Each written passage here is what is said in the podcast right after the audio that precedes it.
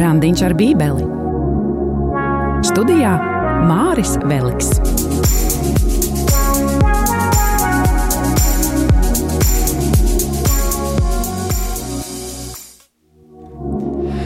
Es esmu sveicināts un laipni lūgts Bībeles studētāju pulkā raidījumā Randiņš ar Bībeli, raidījumā, kas ir tavas neklātienes svēto rakstu studijas. Pie mikrofona, kā allaž piekdienās šajā laikā, es savedējis randiņā ar Bībeli Māris Veliks. Raidījuma ceturtās epizodes tēma ir Ziemassvētku stāsts visiem gadalaikiem, jo Turpinot Mateja evaņģēlijas studijas, mēs aplūkosim pirmās nodaļas fragmentu no 18. līdz 25. pantam, un tas ir visiem labi pazīstamais stāsts par Jāzepu un Mariju, par Jēzus dzimšanu, bet lai neuzķeramies uz domām, ka to jau piestāv lasīt tikai Ziemassvētkos, kad smaržo pēc eglītes un piparkūkām un mandarīniem, Šoreiz raidījumā mēs centīsimies ne tikai labāk saprast šo tekstu, bet arī izvilkt kādas visiem gadalaikiem aktuālas mācības mums ikvienam. Bet vispirms lūksim Dievu.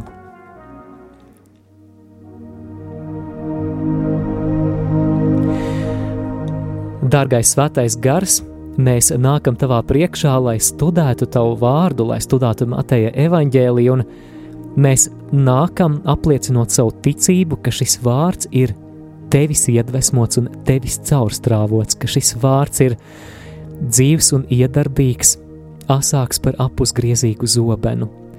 Un mēs lūdzam, lai šī raidījuma laikā, lai visi klausītāji, kas to dzird tiešraidē un arī kas klausīsies arhīvā atkārtojumā, es lūdzu, lai tavs vārds skar mūsu sirdis ļoti spēcīgi, lai tavs vārds mums dāvā atziņas, kuras spēcinās mūsu turpmākajā ceļā kopā ar tevi.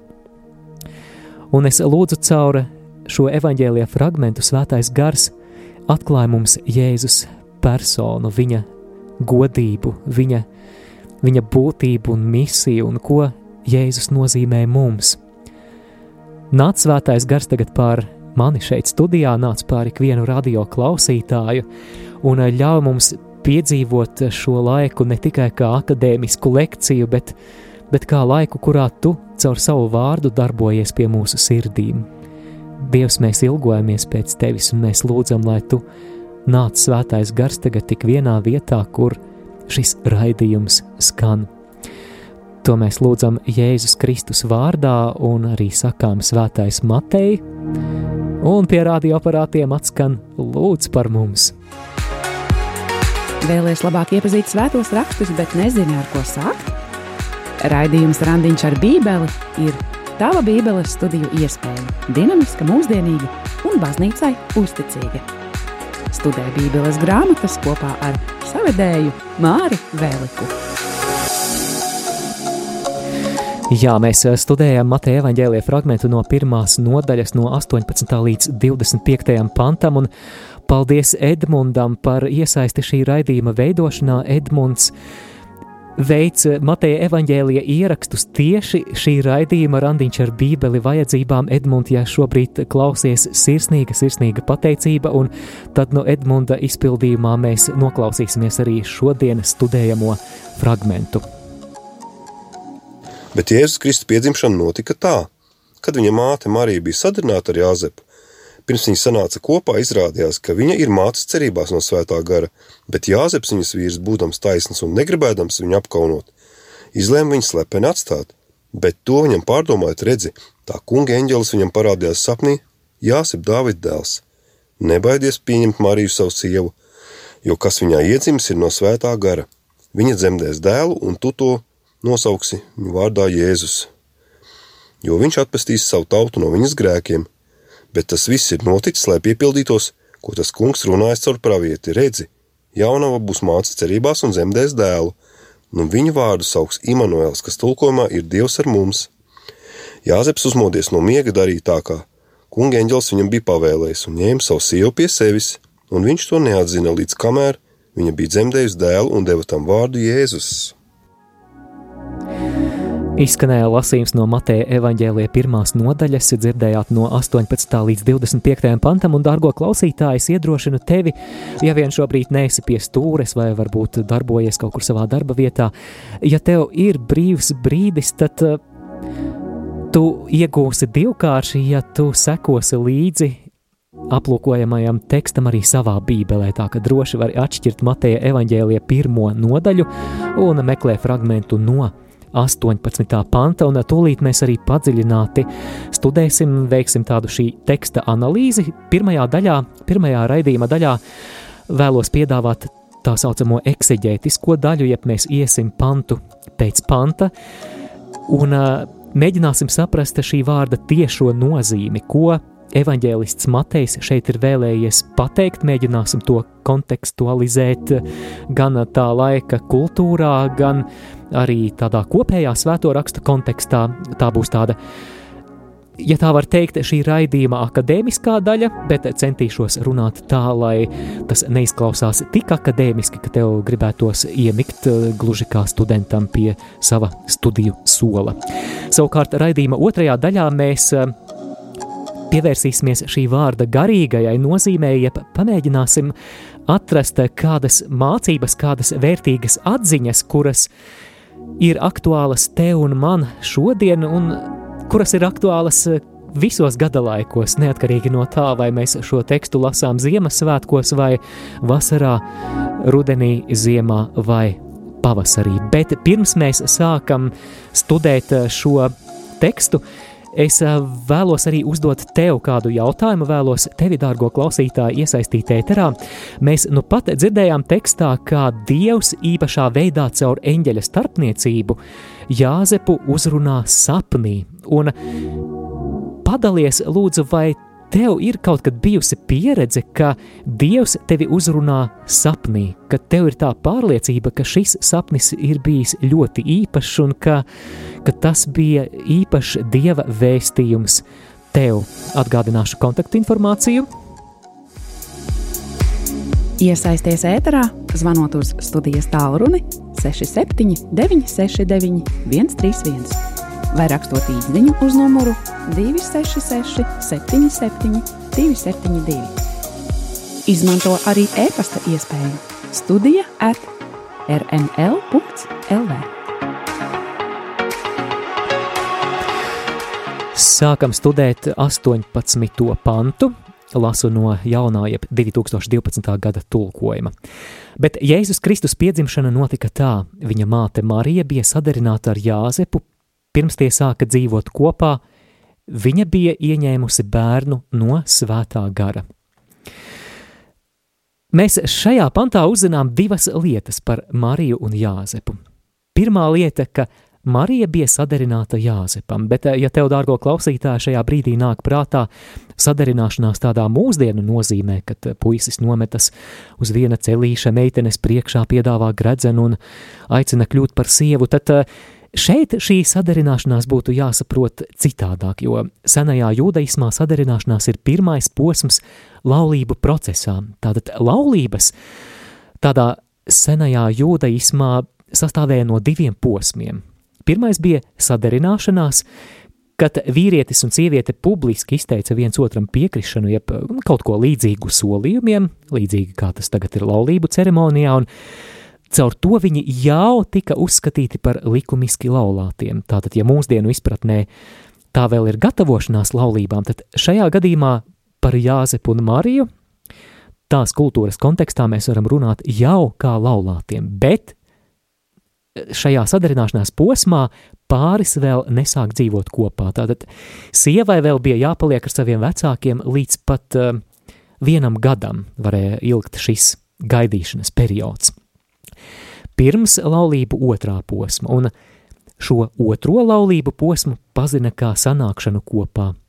Tikai tas bija brīdis, kad sieva sāka dzīvot kopā ar savu vīru, kad viņiem bija seksuālas attiecības, un šī laulība, ja tā var teikt, bija tika konsumēta. Matejs skaidri norāda, ka Marija un Jāzeps bija šajā pirmajā laulību posmā. Otrā lieta, kuru mēs uzzinām 18. pantā, ka Marija bija bērniņa gaidībās, līdz šai sanākšanai kopā, tātad līdz laulību šam, šim otrajam posmam, par kuru nu pat es stāstīju. Šajā pantā Matejs norāda, ka Marijas grūtniecība ir ārkārtēja tajā nozīmē, ka tai nav precedentu un tā pārsniec dabisko lietu kārtību.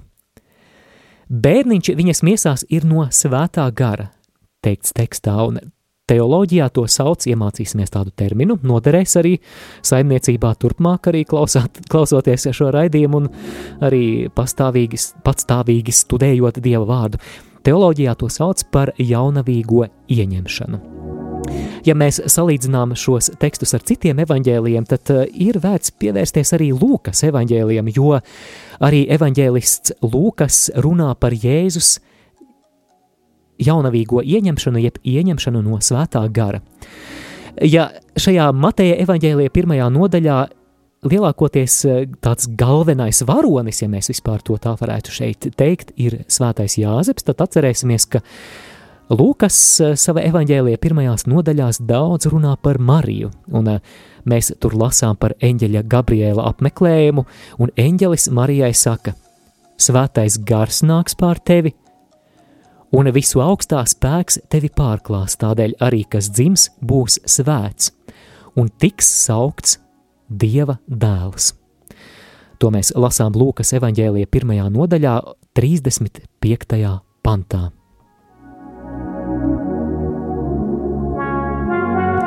Šajā brīdī, kad mēs esam iesākuši runāt par šo Jēzus jaunavīgo ieņemšanu, vēlos dalīties kādās pārdomās, kuras, manuprāt, ir ļoti svarīgas šajā kontekstā par Jēzus jaunavīgo ieņemšanu, par par kādu domāšanas ietvaru, kas mums labāk var palīdzēt šo lietu saprast. Kristīgais pasaules uzskats, dārgo klausītāji, un es zinu, ka jūs teiksiet, āmen, ir pārdabisks pasaules uzskats. Realitāte nav reducējama tikai līdz kaut kādām izmērāmām, zinātniski izmērāmām, empiriskām lietām. Tātad Mēs ticam, ka ir arī neredzamā pasaule, ka ir eņģeļi, ir ļaunie gari. Galu galā ir Dievs, kurš ir visu varens, un Viņš rada šo ārkārtīgi, ārkārtīgi sarežģīto, komplekso pasauli, kuru joprojām zinātne nav izdibinājusi un nekad līdz galam arī nespēs izsmelt. Un šādā kristīgā pasaules redzējumā ir vieta brīnumiem. Šajā ziņā šī kristīgā ticība ir pretēja materiālistiskam pasaules uzskatam. Kāpēc es to visu saku? Jēzus jaunavīgā ieņemšana, par kuru mēs lasām Mateja evaņģēlija pirmajā nodaļā, ir liels brīnums. Un to nevarēs un nevar nekādi saprast un pieņemt, ja mēs paliekam materiālistiskā pasaules uzskatā, jeb domāšanas veidā. Mēs spējam ticībā pieņemt šo lielo brīnumu, šo Jēzus iemiesošanos ieņemšanu no svētā gara tikai tad, ja mēs esam atvērti tādai kristīgajai paradigmai, jeb domāšanas veidam, pasaules redzējumam.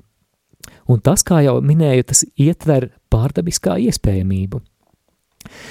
Šo pārdomu sakarā man nāk prātā šonadēļ LTV viens redzētais raidījums aizliegtais paņēmiens. Iespējams, arī daudzi no jums, dārgie klausītāji, šo raidījumu redzējāt, un tur tika aplūkota kādas evaņģēliskās draudzes darbība. Kā eksperte šīs draudzes izvērtēšanai tika pieaicināta kāda teoloģija, nu vismaz tā viņa tika stādīta priekšā ēterā, un no viņas teiktā varēja spriest, ka viņa uzskata, ka, piemēram, Elle ir tāda viduslaiku tematika un uh, un ka viņa netic, ka Dievs var šodien paveikt dziedināšanas brīnumu. Tās ir tādas manas personiskās, privātās pārdomas, bet šāds pasaules uzskats, kurā mēs vairs neticam pārdabiskajam, realitātes ainu padara, ja tā var teikt, viendimensionālu, jeb plakanu. Bez ticības pārdabiskajam kristietības pamati tiek izskaloti, bet uh, Bet mēs kā kristieši esam aicināti šos pamatus sargāt, sargāt šīs ticības pamatpatiesības, kuras mēs pēc dabas zinātņu metodoloģijas nekad nespēsim izskaidrot, bet kuras liek mums pazemībā un bībā atzīt, ka mēs esam tikai cilvēki ar ierobežotu izziņas spēju, ka mūsu priekšā ir Dievs, bezgalīga visu varoša, mīloša un racionāla būtne, fascinējošs, satriecošs un visu varens. Un ja ir šis dievs, kura iespējas ir neierobežotas, kurš ir radījis šo pasauli vienkārši tā neno kā, sākot no olbaltumvielu struktūras līdz galaktikām, kas gan tur neticams, ja šīs dievs pretēji dabiskajiem likumiem teiktu, lai top, un šīs jaunās jūdu meitenes Marijas jeb Mirjamas miesās svētā gara spēkā notiktu brīnums, rastos dzīvība. Tātad tas, ko daro klausītājs šajā pārdomu atkāpē, vēlējos pateikt, ka Jēzus jaunavīgo ieņemšanu mēs spējam pieņemt ticībā, ja mēs nenoārdām kristīgā pasaules uzskata pārdabiskos pamatus. Pēc mūzikas pauzes atgriezīšos ēterā un turpināsim studēt Mateja evaņģēlija pirmo nodaļu.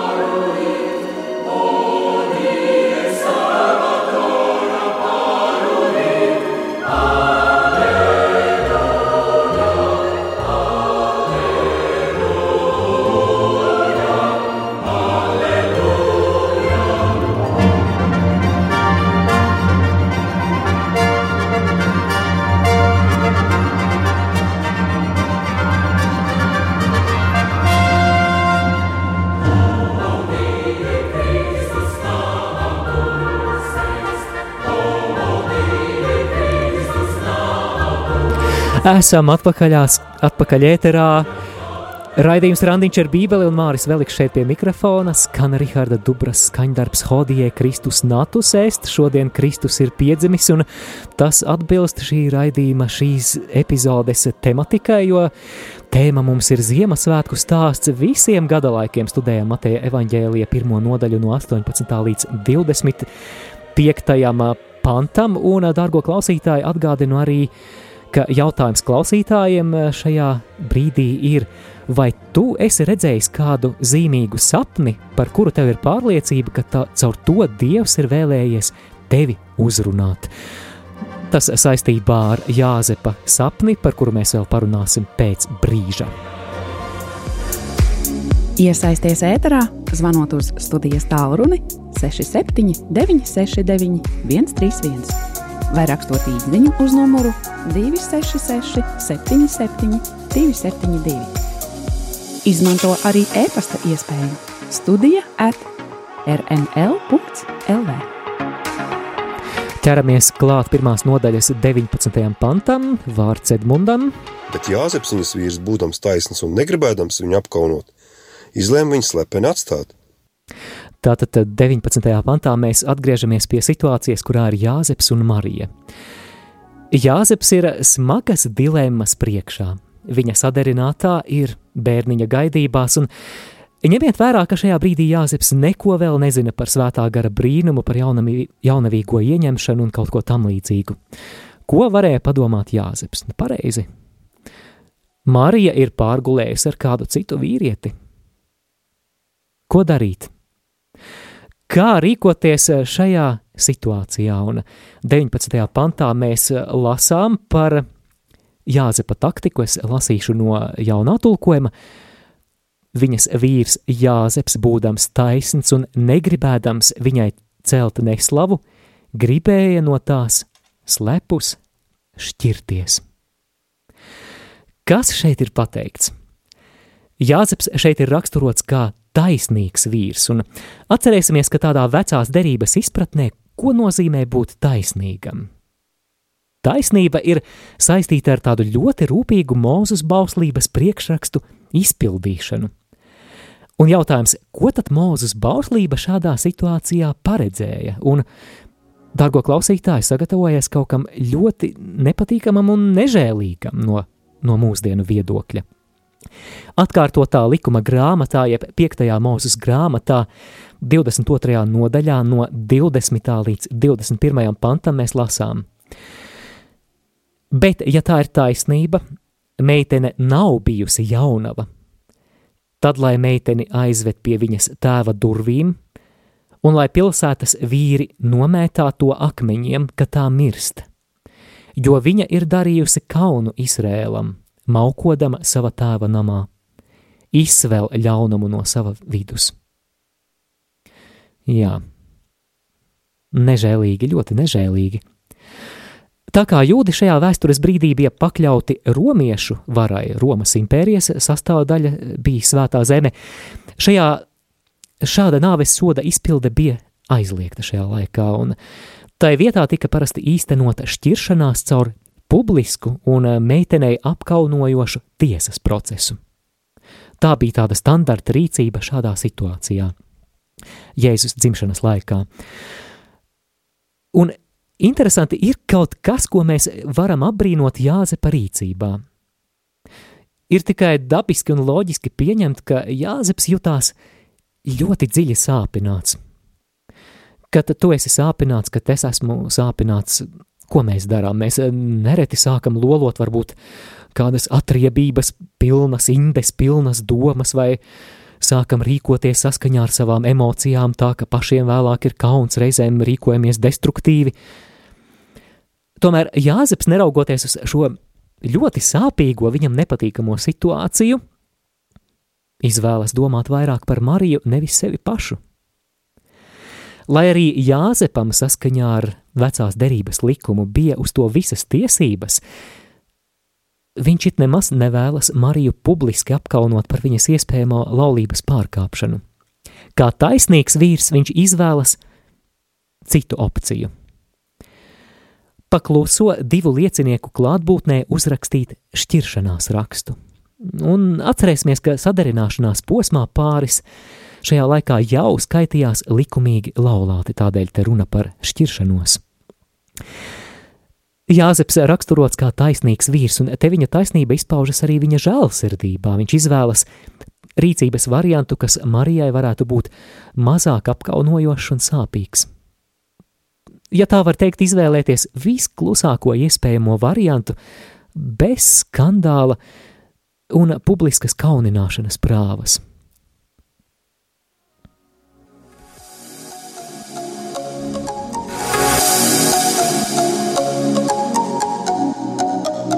Skan Randiņš ar Bībeli.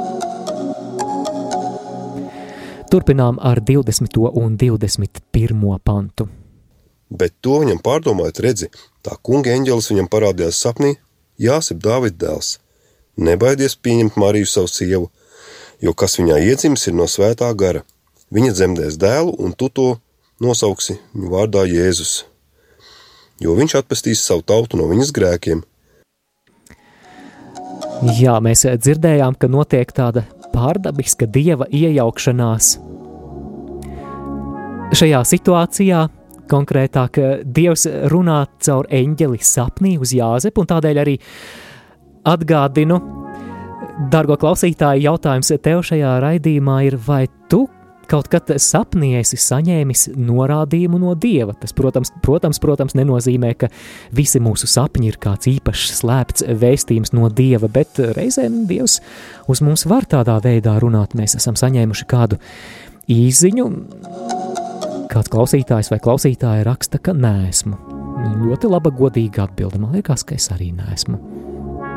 Bet turpinām par šo 20. un 21. pantu, par to, ko mēs nu pat dzirdējām. Vispirms eņģeļa uzruna Jāzepam. Kā, kā Jāzeps tiek nosaukts? Jāzep, Dāvida dēls. Eņģelis caur uzrunu Jāzepam, proti Dāvida dēls, norāda uz Jāzepa svarīgo lomu Dāvida dinastijas privilēģiju nodošanā Jēzum. Ja nedzirdēji iepriekšējo raidījumu, noklausies to arhīvā, mēs iepriekšējā raidījumā daudz runājām par to, ka Jēzus piepilda ķēniņam Dāvidam dotos apsolījumus, ka viņa valstība būs mūžīga valstība. Tātad kaut kas ārkārtīgi svarīgs šeit likts uz likmes, ja Jāzeps izvēlētos atstāt Mariju un nepieņemt šo bērnu. Tāpēc eņģelis viņam saka, Jāzep, Dāvida dēls, nebīsties ņemt pie sevis Mariju. Tātad eņģelis iedrošina Jāzepu, ka šī grūtniecība nav no cita vīrieša, bet no svētā gara, apstiprinot, ka šī bērna izcelsme ir dievišķa. Turklāt Jāzepam šeit būs ārkārtīgi, ārkārtīgi liela loma. Eņģelis viņam saka, un tu nosauksi viņu vārdā Jēzus. Tātad tu nosauksi viņu vārdā. Te ir kaut kas vairāk par tikai vārda nosaukšanu, vārda došanu. Nosaukt bērnu vārdā nozīmē pasludināt bērnu par savu.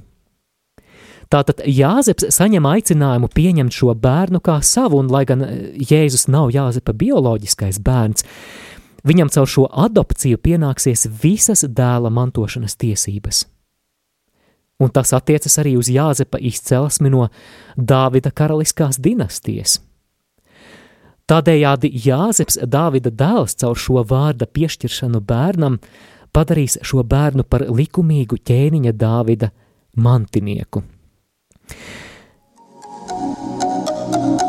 Interesanti, ka eņģelis saka Jāzepam, tu nosauksi viņu vārdā Jēzus, jo viņš izglābs savu tautu no grēkiem. Te divi zīmīgi jautājumi, uz kuriem jāatbild. Pirmkārt, jautājums, kurš nesīs glābšanu, un otrkārt jautājums par kāda veida glābšanu šeit ir runa. Pirmkārt, vārds Ješua nozīmē Jahve ir glābšana, jeb pestīšana. Interesanti, ka eņģelis šeit saka, ka Jēzus būs tas, kurš atnesīs glābšanu. Tādējādi Matejs Jēzu šeit netieši saistā ar Jahvi, kas mums tādā netiešā veidā norāda uz to, ka tēvam un dēlam ir viena daba – Atcerēsimies, ka Jāņa evanģēlijā Jēzus saka, es un tēvs esam viens. Otrakārt, daudzi pirmā gadsimta jūdi gaidīja, ka Dievs viņus glābs no politiskās apspiestības. Jau šī raidījuma laikā minēju, ka Palestīna šajā laikā bija Romas impērijas pakļautībā. Tomēr eņģelis pasludina, ka te runa būs par pavisam cita veida glābšanu. Glābšanu nevis no politiskas apspiestības, bet no grēka. Tātad jau pašā Mateja evaņģēlija sākumā mēs redzam, ka pretēji populārajai jūdu pārliecībai, ka Mesija būs tāds eh, militāri politisks glābējs. Šis ilgi gaidītais mesija ķēniņš nāk, lai nestu glābšanu no grēka, proti no ienaidnieka, kas ir daudz bīstamāks nekā Romas impērija vai Heroda vara.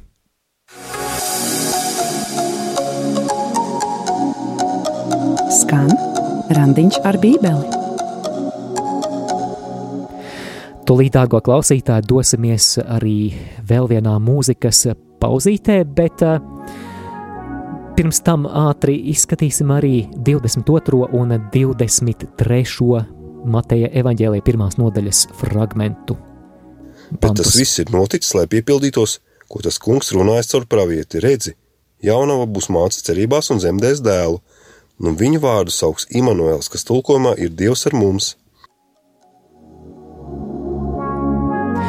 Nu pat mēs dzirdējām pirmo no vairākiem vecās derības citātiem, par kuru piepildīšanos Jēzu Matejs vēlas pavēstīt.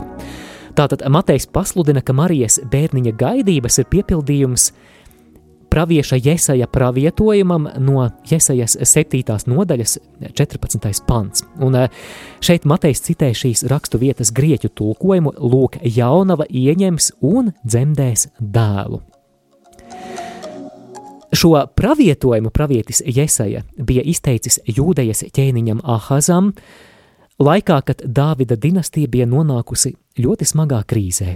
Ienaidnieku karaspēks draudēja iebrukt Jeruzalemē, un gāzt Dāvida dinastijas ķēniņu Ahāzu no troņa, un eh, likās, ka vispār šai dinastijai varētu būt eh, beigas, pilnīgs vāks.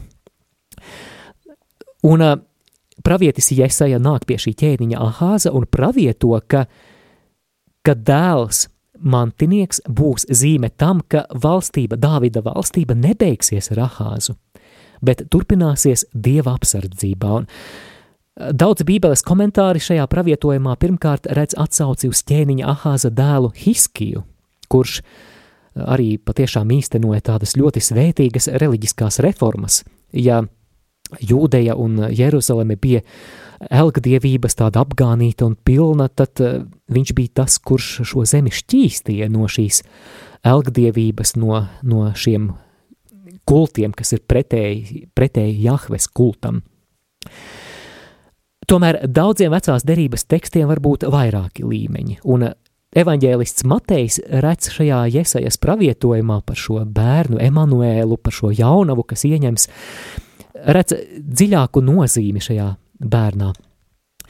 Saskaņā ar šī teksta tajā laikā izplatīto grieķu tulkojumu, ko Matejs citē, tā būs jaunava, kas ieņems un dzemdēs dāvidisko dēlu. Marija šeit ir jaunava, kura ieņem un dzemdē savu karalisko dēlu Jēzu, un tādējādi Mateja evaņģēlijas atklāja, ka Jesaja pravietojums ir savā ziņā kā tāds iepriekš pasludinājums Mesijas jaunavīgajai ieņemšanai. Un Iesajam vārds Emanuēls, jeb Dievs ar mums, pauž Dieva klātbūtni viņa tautā. Un arī evaņģēlists Matejs šeit pasludina, ka caur Jēzu Kristu Dievs īpašā veidā ir klātesošs savā tautā. Un Matejam šī tēma ir tik svarīga, ka, ka te, šeit tāda struktūra izveidojas, ka tā kā iekaviņas tādas šeit pašā evaņģēlijas sākumā Jēzus ir nosaukts par Emanuēlu, tātad Dievs ar mums, Dievs mūsu vidū. Un interesanti, ja mēs aiziet uz evaņģēlija pašām, pašām beigām, uz 28. Lapusi, mēs atkal redzam šo tēmu. Jēzus evaņģēlija noslēgumā teiks, redzi, es esmu ar jums vienmēr līdz pasaules beigām. Jēzus, kā Dievs Emanuēls mūsu vidū. Par to arī nākamā dziesma, un pēc tam atgriežamies ēterā.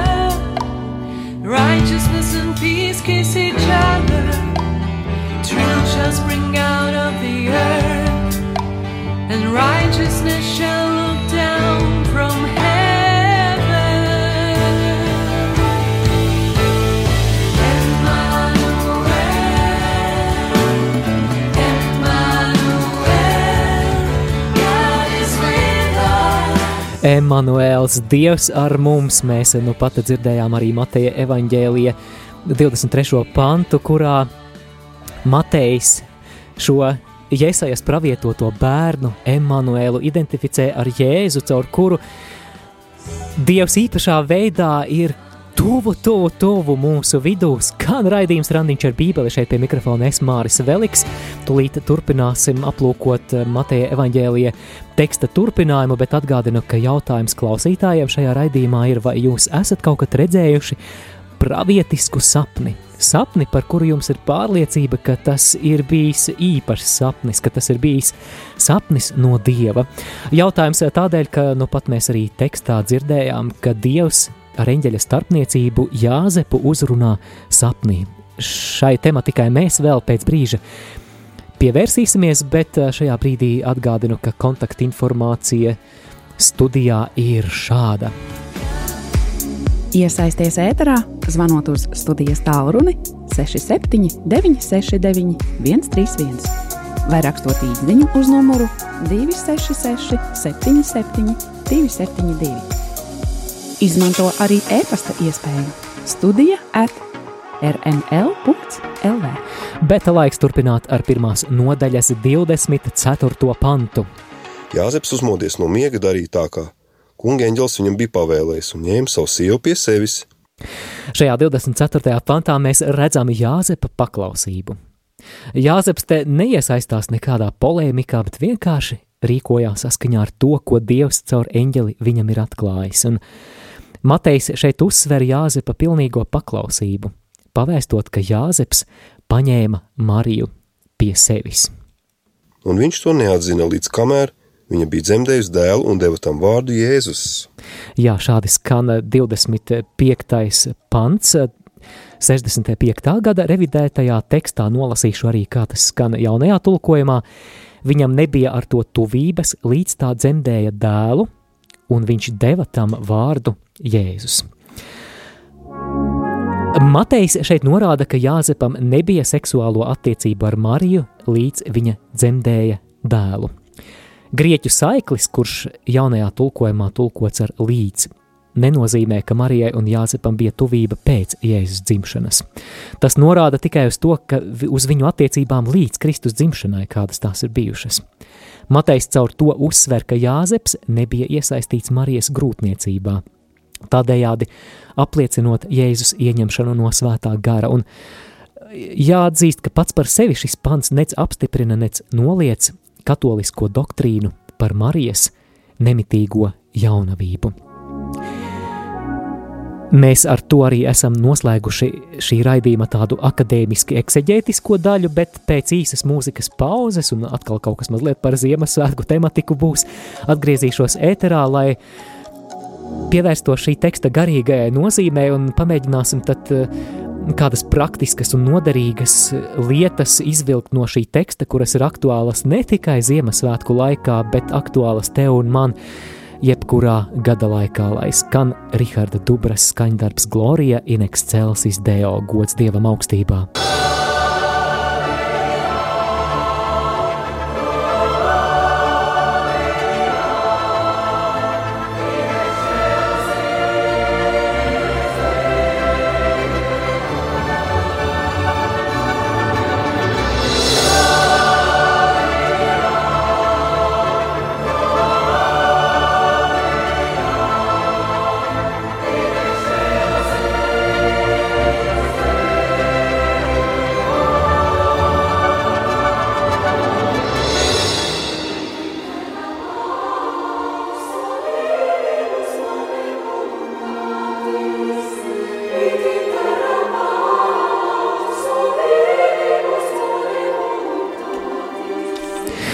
Mums ir zvans ēterā, lūdzu. Halo, varat runāt? Nedzirdam jūs, nu re. 679, 691, 131 ir tālruņa numurs studijā. Ja tu vēlies pastāstīt par kādu, kādu liecību par to, kā Dievs tevi ir uzrā, uzrunājis caur sapni, tad droši iesaisties ēterā. Var arī rakstīt īsiņas uz numuru 266, 772, 72, vai arī izmanto e-pasta iespēju studija at rml.lv.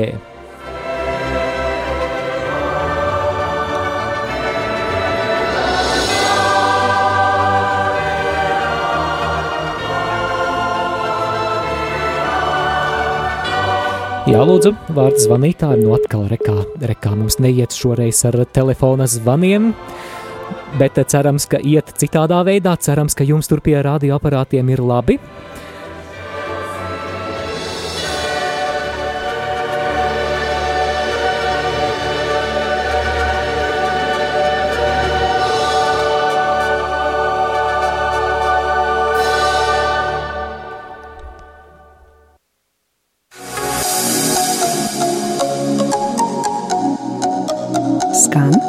Randiņš ar Bībeli.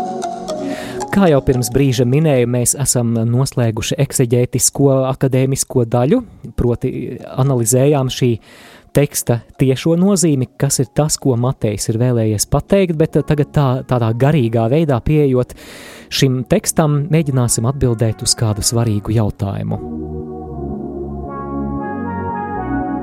Kā dzirdētais attiecas uz manu dzīvi?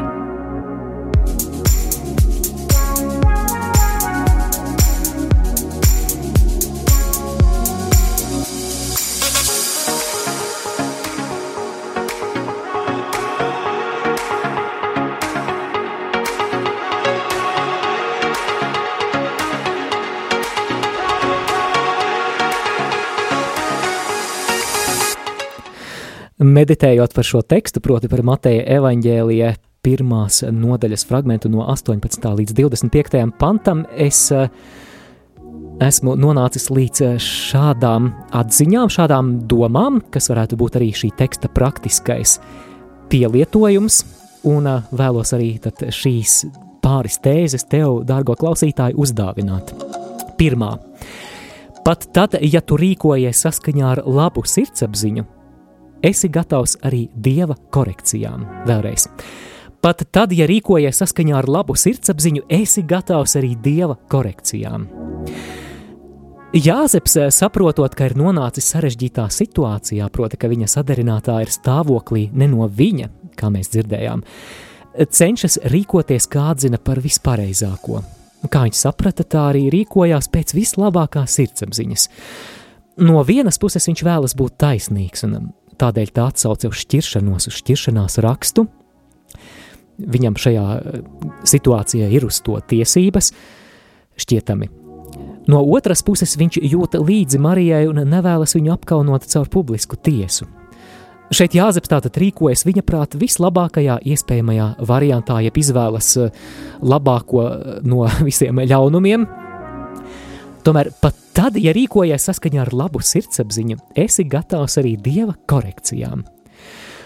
Nostāja dieva priekšā, ko raksturo tēvs mūsu lūgšanas vārdi, tavs prāts, lai notiek ne mans. Nostāda mūs tādā situācijā, kurā jābūt gataviem tam, ka šis dieva prāts var izrādīties pavisam citādāks nekā bijām iztēlojušies. Ir teiciens, cilvēks domā, dievs dara sakām vārdu grāmatā 19. nodaļā, 21. pantā ir teiciens, ir, ir vārds, ka cilvēka sirds pilna nolūkiem, bet tikai dieva nodoms piepildās. Vai vēl viena rakstu vieta par šo jautājumu sakām vārdu grāmata 16.9. Cilvēks lemj sirdī iešu te, taču kungs liek viņa soļus.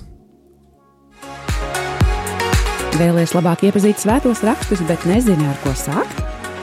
Raidījums Randiņš ar Bībeli ir tava Bībeles studiju iespēja. Dinamiska, mūsdienīga un baznīcai uzticīga.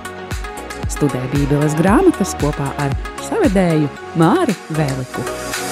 Tātad pirmā praktiskā pielietojama, jeb aplikācijas tēze, pat tad, ja rīkojies saskaņā ar labu sirdsapziņu, esi gatavs arī dieva korekcijām, bet Otrā doma, kuru vēlos uzdāvināt, un kas, manuprāt, izriet arī no šodien analizētā teksta, nepalaid garām dieva iedvesmas. Jā, nepalaid garām dieva iedvesmas. Jāzeps ir gatavs šīm dieva korekcijām savos lēmumos un ceļos. Kāpēc? Tādēļ, ka viņš mums vienkārši spīdoši, vienkārši ekscelenti nodemonstrē, ko nozīmē būt atvērtam dieva iedvesmām. Uh, Un uh, varbūt par kādām dieva iedvesmām mums pastāstīs arī zvanītājs. Lūdzu, halo! Mūžīgi mūžā slavēts! Es gribēju teikt, pastāstīt vienu sapni, kad tāda liecība man ātri izpildījās. Jā, priecāsimies dzirdēt. Eh, Nu tā, kad tas jau trīs gadus atpakaļ tas bija. Eh, Es eh, sapnī redzēju savu brāli, kas nomiris bija kādu mēnesi atpakaļ laikam. Jā, Un viņš pie loga man pieklavēja, es izgāju ārā viņam pretī. Viņš saka, tu man lūdzu nopērst divus kilogramus kartupeļu. mhm.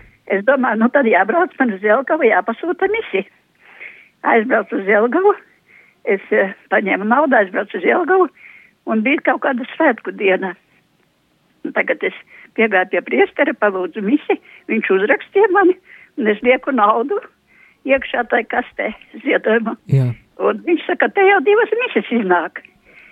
Un es oh. saku, nu, es domāju, ka viena tikai. A viņš saka, nu, te divas iznāk. Un uzreiz bīskaps saka, nu, es vienu tūlīt noturēšu. Un tā Ah. man iznāca divas mises, kaut gan bija domājis mm, vienu. Skaista Nu, tā kā sapņos Jā, jā. redzu, kad, kad eh, mirušie arī lūdz palīdzību, doti liecība laba bija. Paldies, paldies, ka piezvanījāt un ka liecinājāt. Jā, dārgo klausītāji, ja arī tev ir kāda liecība, kur tev ir bijusi tā sajūta, ka caur sapni Dievs tevi ir uzrunājis, tad vēl līdz raidījuma beigām vari paspēt liecināt, jo arī tā atziņa, kurā es tagad raidījuma noslēgumā dalos, nepalaid garām Dieva iedvesmas, un mēs dzirdējām tekstā, ka Dievs Jāzepu uzrunā caur eņģeļa starpniecību. Kādā stāvoklī? Sapnī.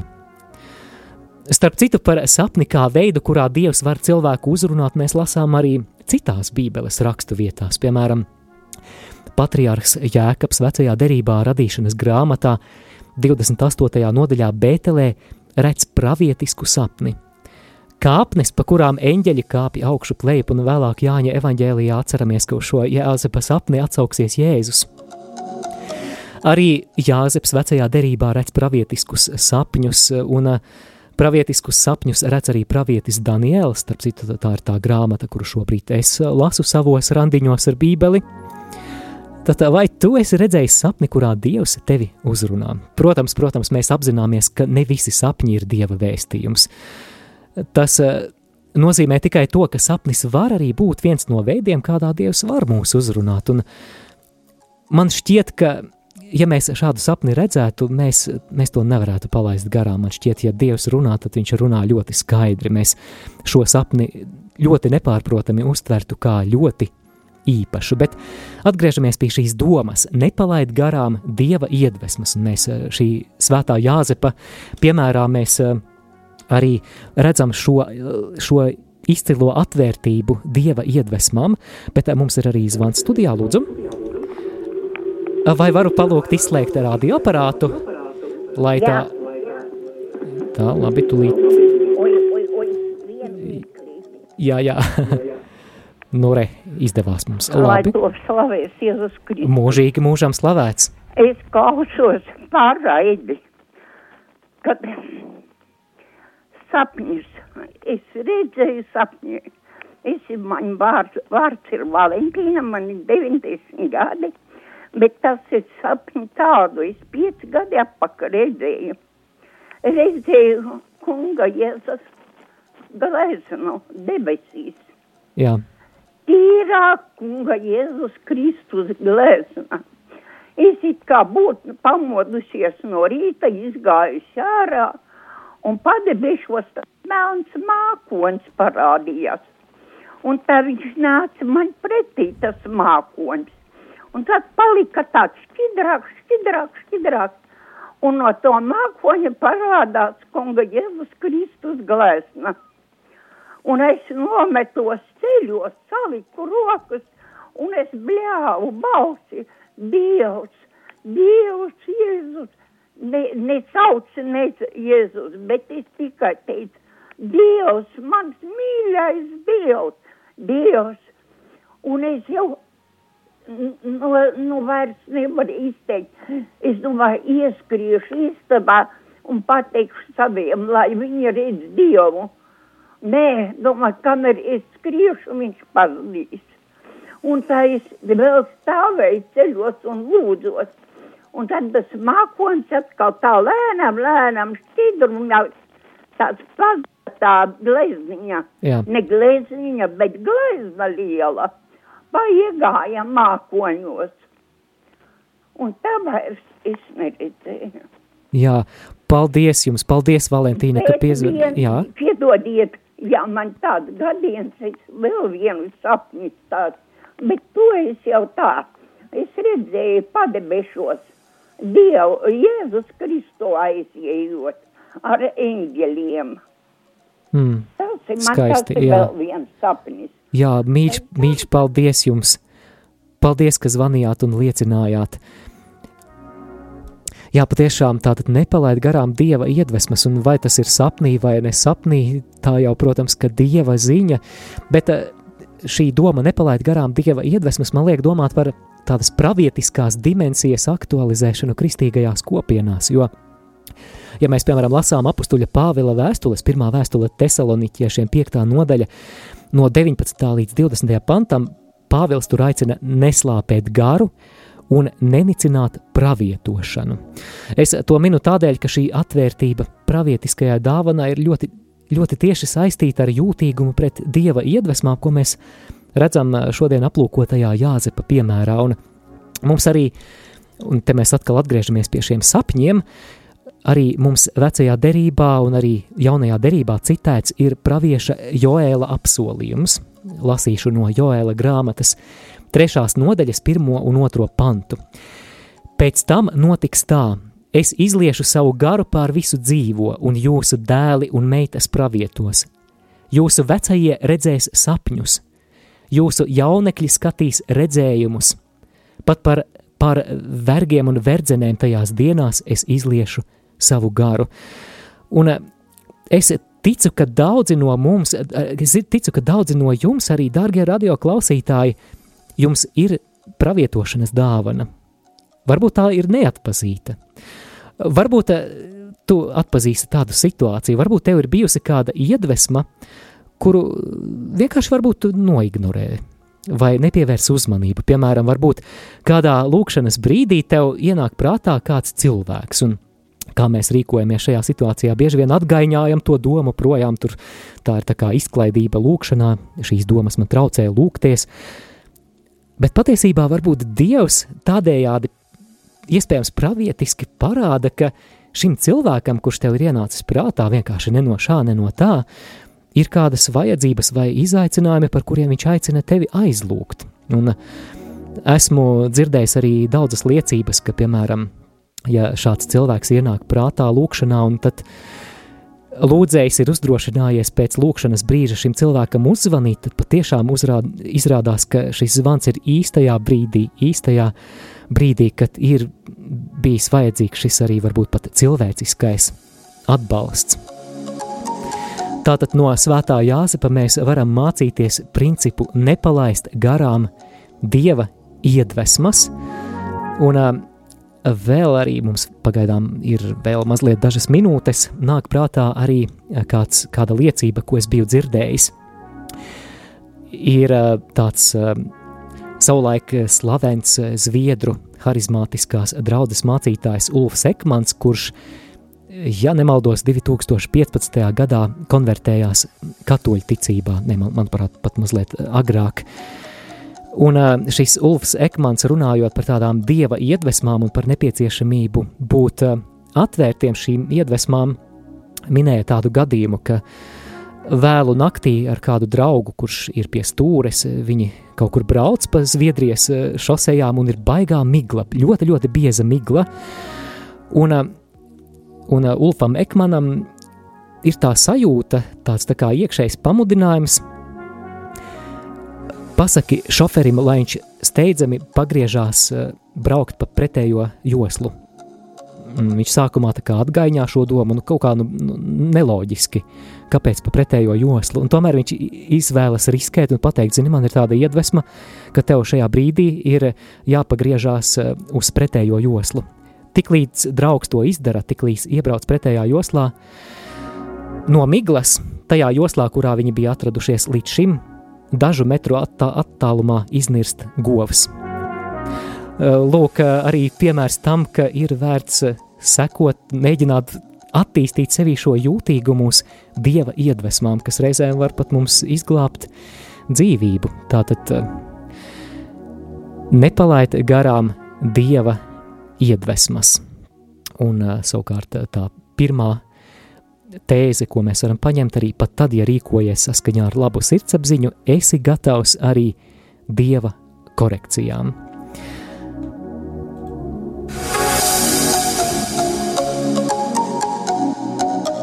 Skan randiņš ar bībeli.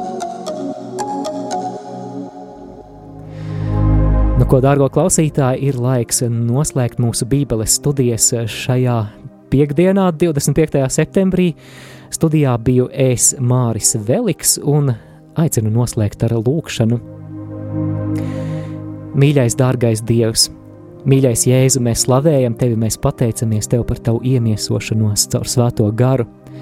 Paldies, ka Tu nāci pasaulē kā ķēniņš, ka Tu nāci kā Emanuēls, kā Dievs ar mums. Un šī raidījuma noslēgumā mēs vēlamies vienoties tādā kopīgā aizlūgumā par to, lai tu mūsu bieži vien nocietinātās sirdis dari atvērtas tavām iedvesmām.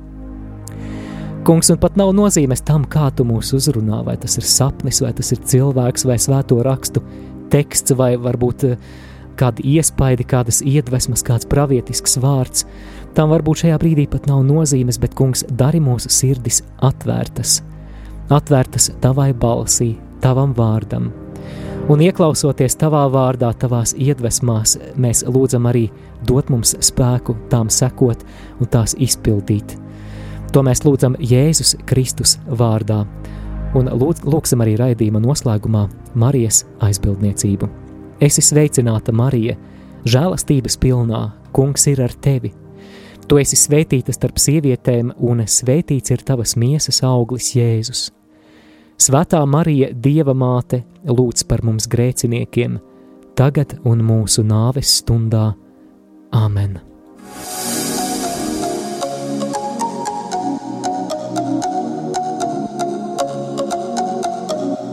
Jūs klausījāties raidījumu Randiņš ar Bībeli. Savas atsauksmes, ieteikumus un jautājumus sūtiet uz e-pastu Randiņš ar Bībeli at gmail.com. Iepriekšējās raidījuma epizodes aicinām meklēt arhīvā.